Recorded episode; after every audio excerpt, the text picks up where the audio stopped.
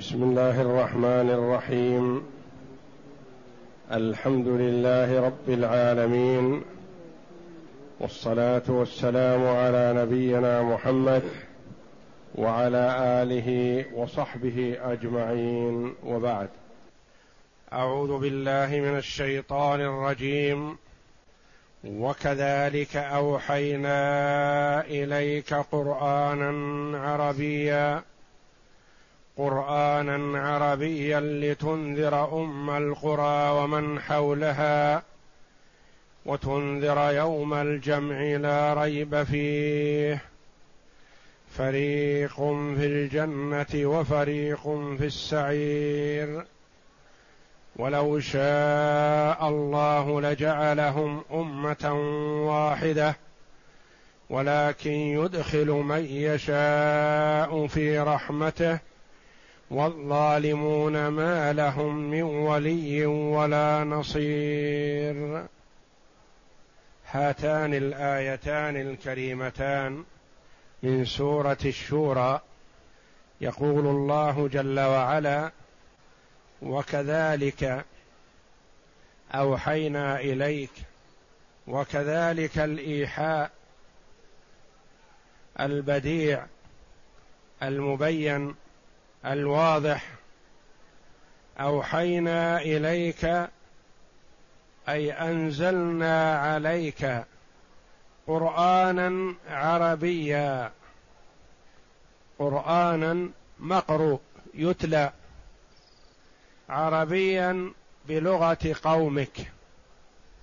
يعرفون معناه ويدركونه.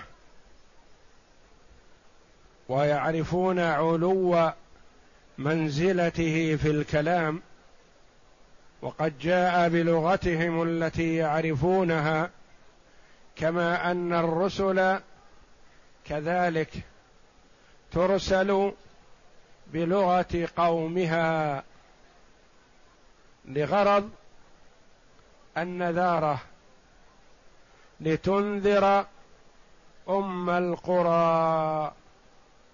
أم القرى هي مكة شرفها الله وهي أفضل البقاع وأحب البقاع إلى الله كما قال النبي صلى الله عليه وسلم لما خرج مهاجرا التفت إلى مكة فقال والله إنك لأفضل البقاع وأحب البقاع إلى الله.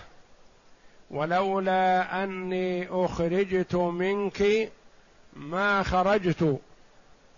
فهو صلى الله عليه وسلم يحب البقاء في مكة لفضلها ولكنه عليه الصلاة والسلام خرج لإعلاء كلمة الله.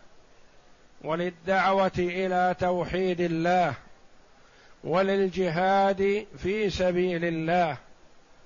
فيؤخذ من هذا أن المرء إذا خرج من بلاده لما فيها من الكفر أو الضلال أو الفسق أو الفجور فرارا بدينه أن له في ذلك أسوة وهو المصطفى صلى الله عليه وسلم.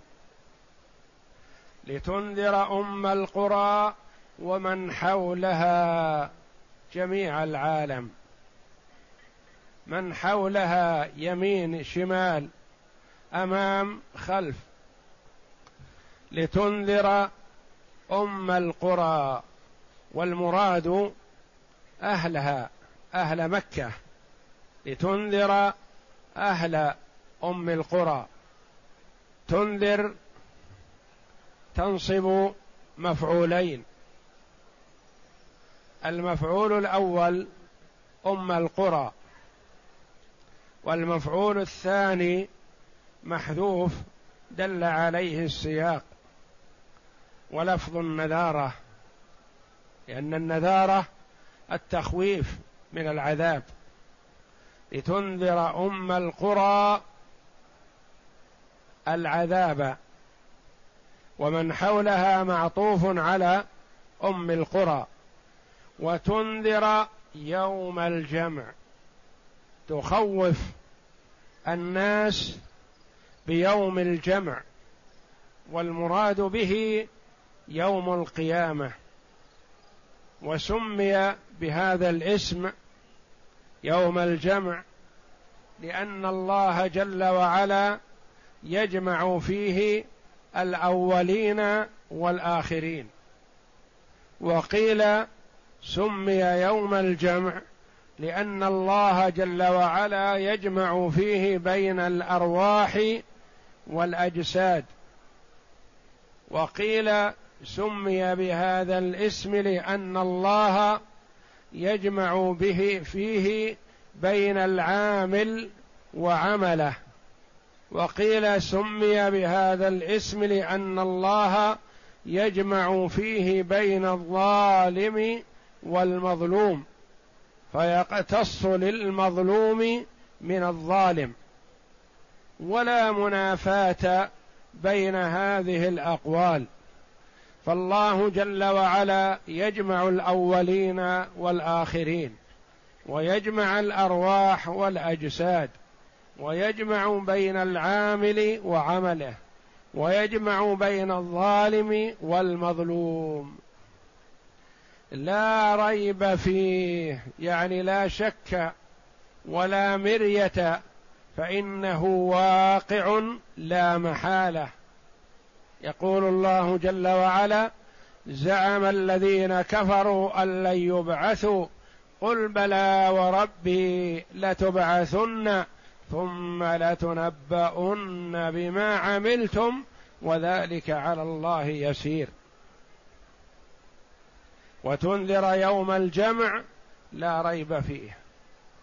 تخوف الناس بيوم القيامة الذي يجمع الله فيه الأولين والآخرين ويجمع بين العامل وعمله. إن كان عمله خيرا وجد الثواب من الله.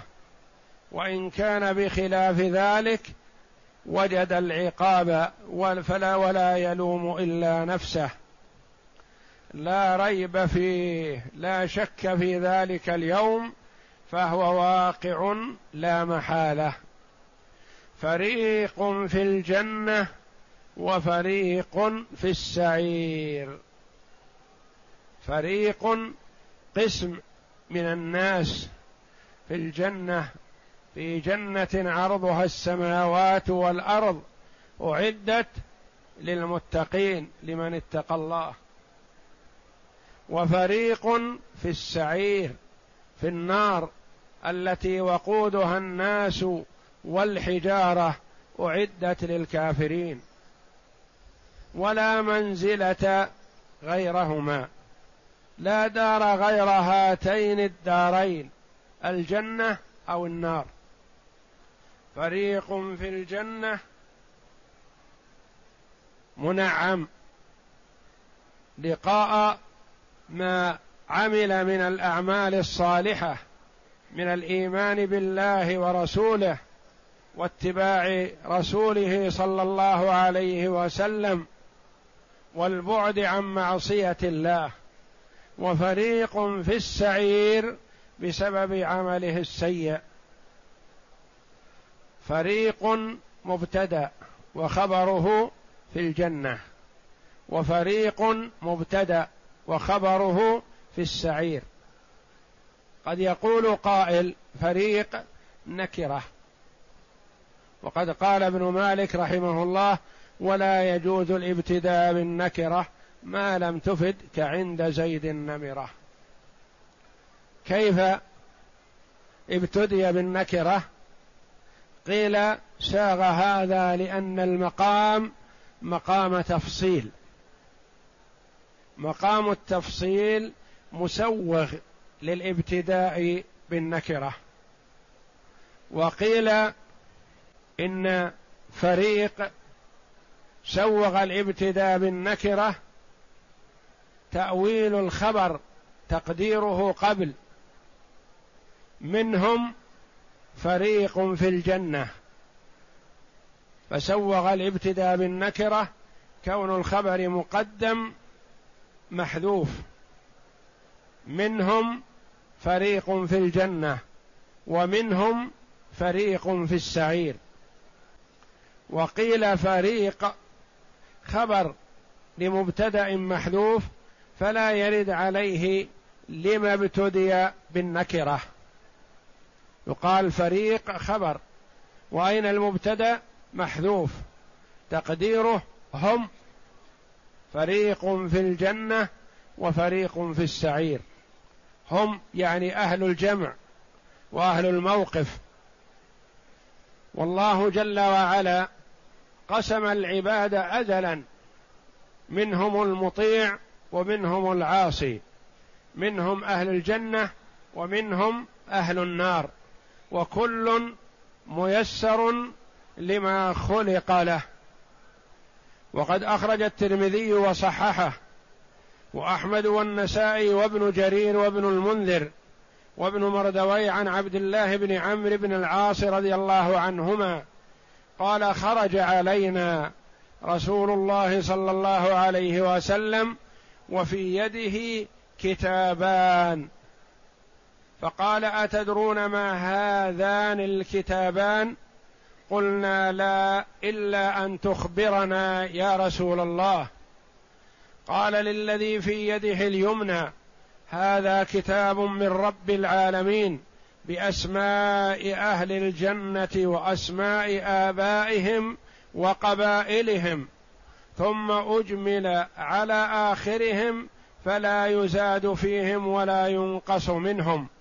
ثم قال للذي في شماله هذا كتاب من رب العالمين بأسماء أهل النار وأسماء آبائهم وقبائلهم ثم أجمل على آخرهم فلا يزاد فيهم ولا ينقص ولا ينقص منهم أبدا. فقال أصحابه رضي الله عنهم ففيما العمل يا رسول الله إن كان أمر قد فرغ منه؟ فقال سددوا وقاربوا فإن صاحب الجنة يختم له بعمل أهل الجنة وإن عمل أي عمل. وإن صاحب النار يختم له بعمل أهل النار وإن عمل أي عمل. قال رسول الله صلى الله عليه وسلم بيديه فنبذهما ثم قال فرغ ربكم من العباد. فريق في الجنة وفريق في السعير. وهذا الحديث يجعل المؤمن على خوف وعلى وجل من سوء الخاتمة فيتضرع إلى الله جل وعلا دائما وأبدا أن يوفقه لحسن الختام. وكما ورد في الحديث إن الرجل لا يعمل بعمل أهل الجنة حتى ما يكون بينه وبينها إلا ذراع فيسبق عليه الكتاب فيعمل بعمل أهل النار فيدخلها. وإن الرجل لا يعمل بعمل أهل النار حتى ما يكون بينه وبينها إلا ذراع فيسبق عليه الكتاب فيعمل بعمل أهل الجنة فيدخلها. فالمؤمن يسأل ربه جل وعلا دائما وعبد وأبدا حسن الختام. وقد كان أكثر دعاء النبي صلى الله عليه وسلم اللهم يا مقلب القلوب ثبت قلبي على دينك. وقد عرفنا واطلعنا على كثير ممن نشأ كافرا. واستمر على كفره حتى آخر حياته فختم له بعمل حسن فدخل الجنة. كسحرة آل فرعون.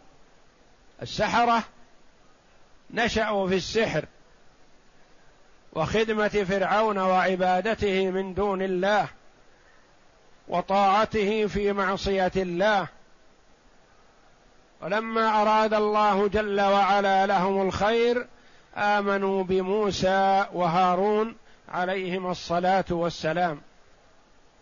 فختم لهم بذلك فكانوا من أهل الجنة كما ورد في الحديث. في الصباح يحلفون بعزة فرعون إنا لنحن الغالبون وفي المساء يتقلبون في أنهار الجنة.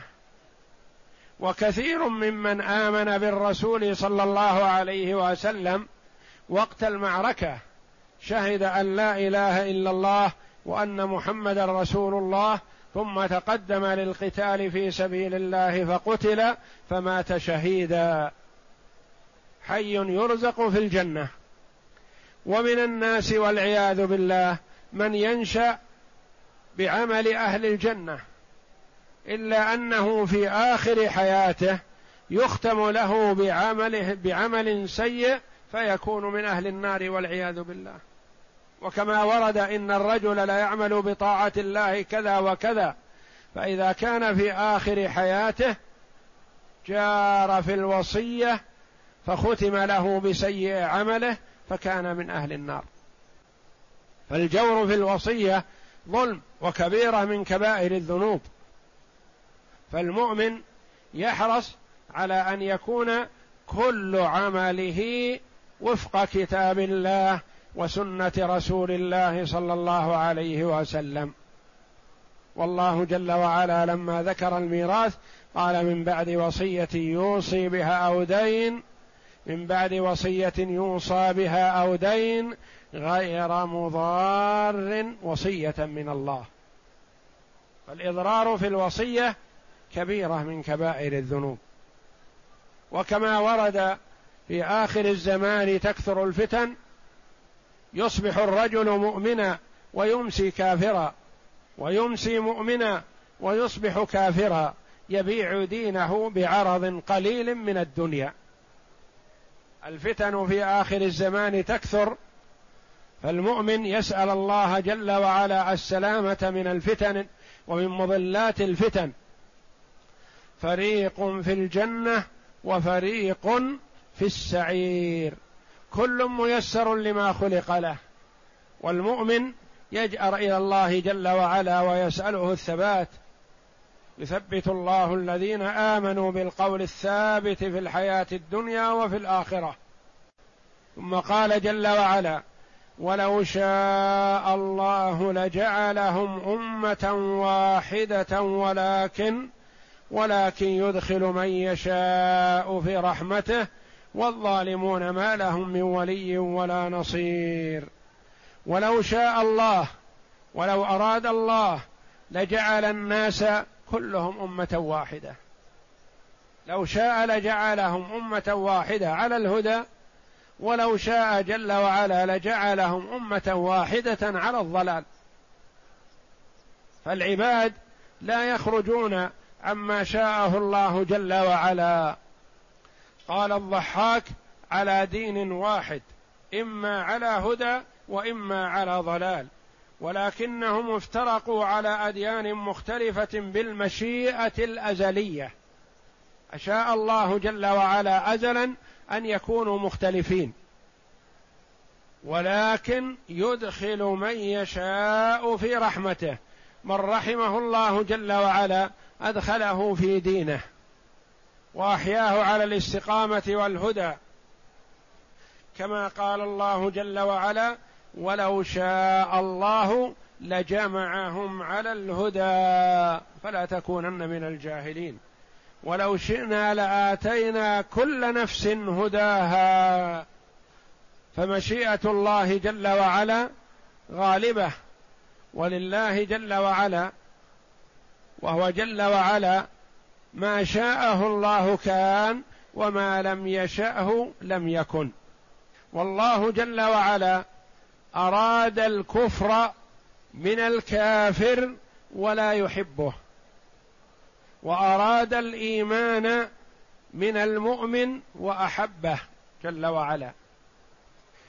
وقد أقام الله جل وعلا الحجة على الخلق فلا حجة لهم على الله لأن الله جل وعلا وهب العقول وأرسل الرسل وأنزل الكتب وهدى من وفق ومن شاء من عباده للهداية وترك من شاء على الغواية والضلالة. ولا حجة للخلق على الله جل وعلا لأنه أقام عليهم الحجة. فالمهتدي اهتدى بفعله وبتوفيق الله جل وعلا. والضال ضل بفعله لأنه رفض الهدى رفض الحق رفض الدين رفض الطاعة. والله جل وعلا لم يحرمه العقل ولم يأخذه على غرة بل أرسل إليه الرسل وأنزل الكتب وأقام الحجة على الخلق. وهذا الأمر واضح. فمثلا حينما تأتي إلى اثنين قد ناما فأيقظتهما وقلت للأول هيا إلى الصلاة. فقال أحسنت أثابك الله. وقام معك وذهب إلى المسجد وأدى فريضة الله. ألم يقم هذا باختياره ورغبته واستجابته لداعي الحق؟ والله جل وعلا أراد له ذلك ازلا وهداه. والآخر حينما استيقظ تكلم عليك ووبخك و ورد عليك ردا شنيعا وأبى أن يقوم. هل هذا مجبر على هذا الرد؟ هذا رد الرد الشنيع باختياره وبعقله وإدراكه ورفض باختياره أن يقوم لطاعة الله.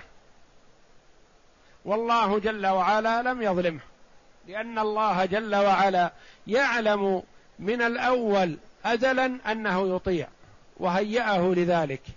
ويعلم جل وعلا أزلا من الثاني أنه يعصي وهيأه لذلك تعالى وتقدس. فالمطيع فأطاع برغبته واختياره والعاصي عصى برغبته واختياره وهو لم يجبر. ولو شاء الله لجعلهم أمة واحدة ولكن يدخل من يشاء في رحمته. فقسمهم إلى فريقين.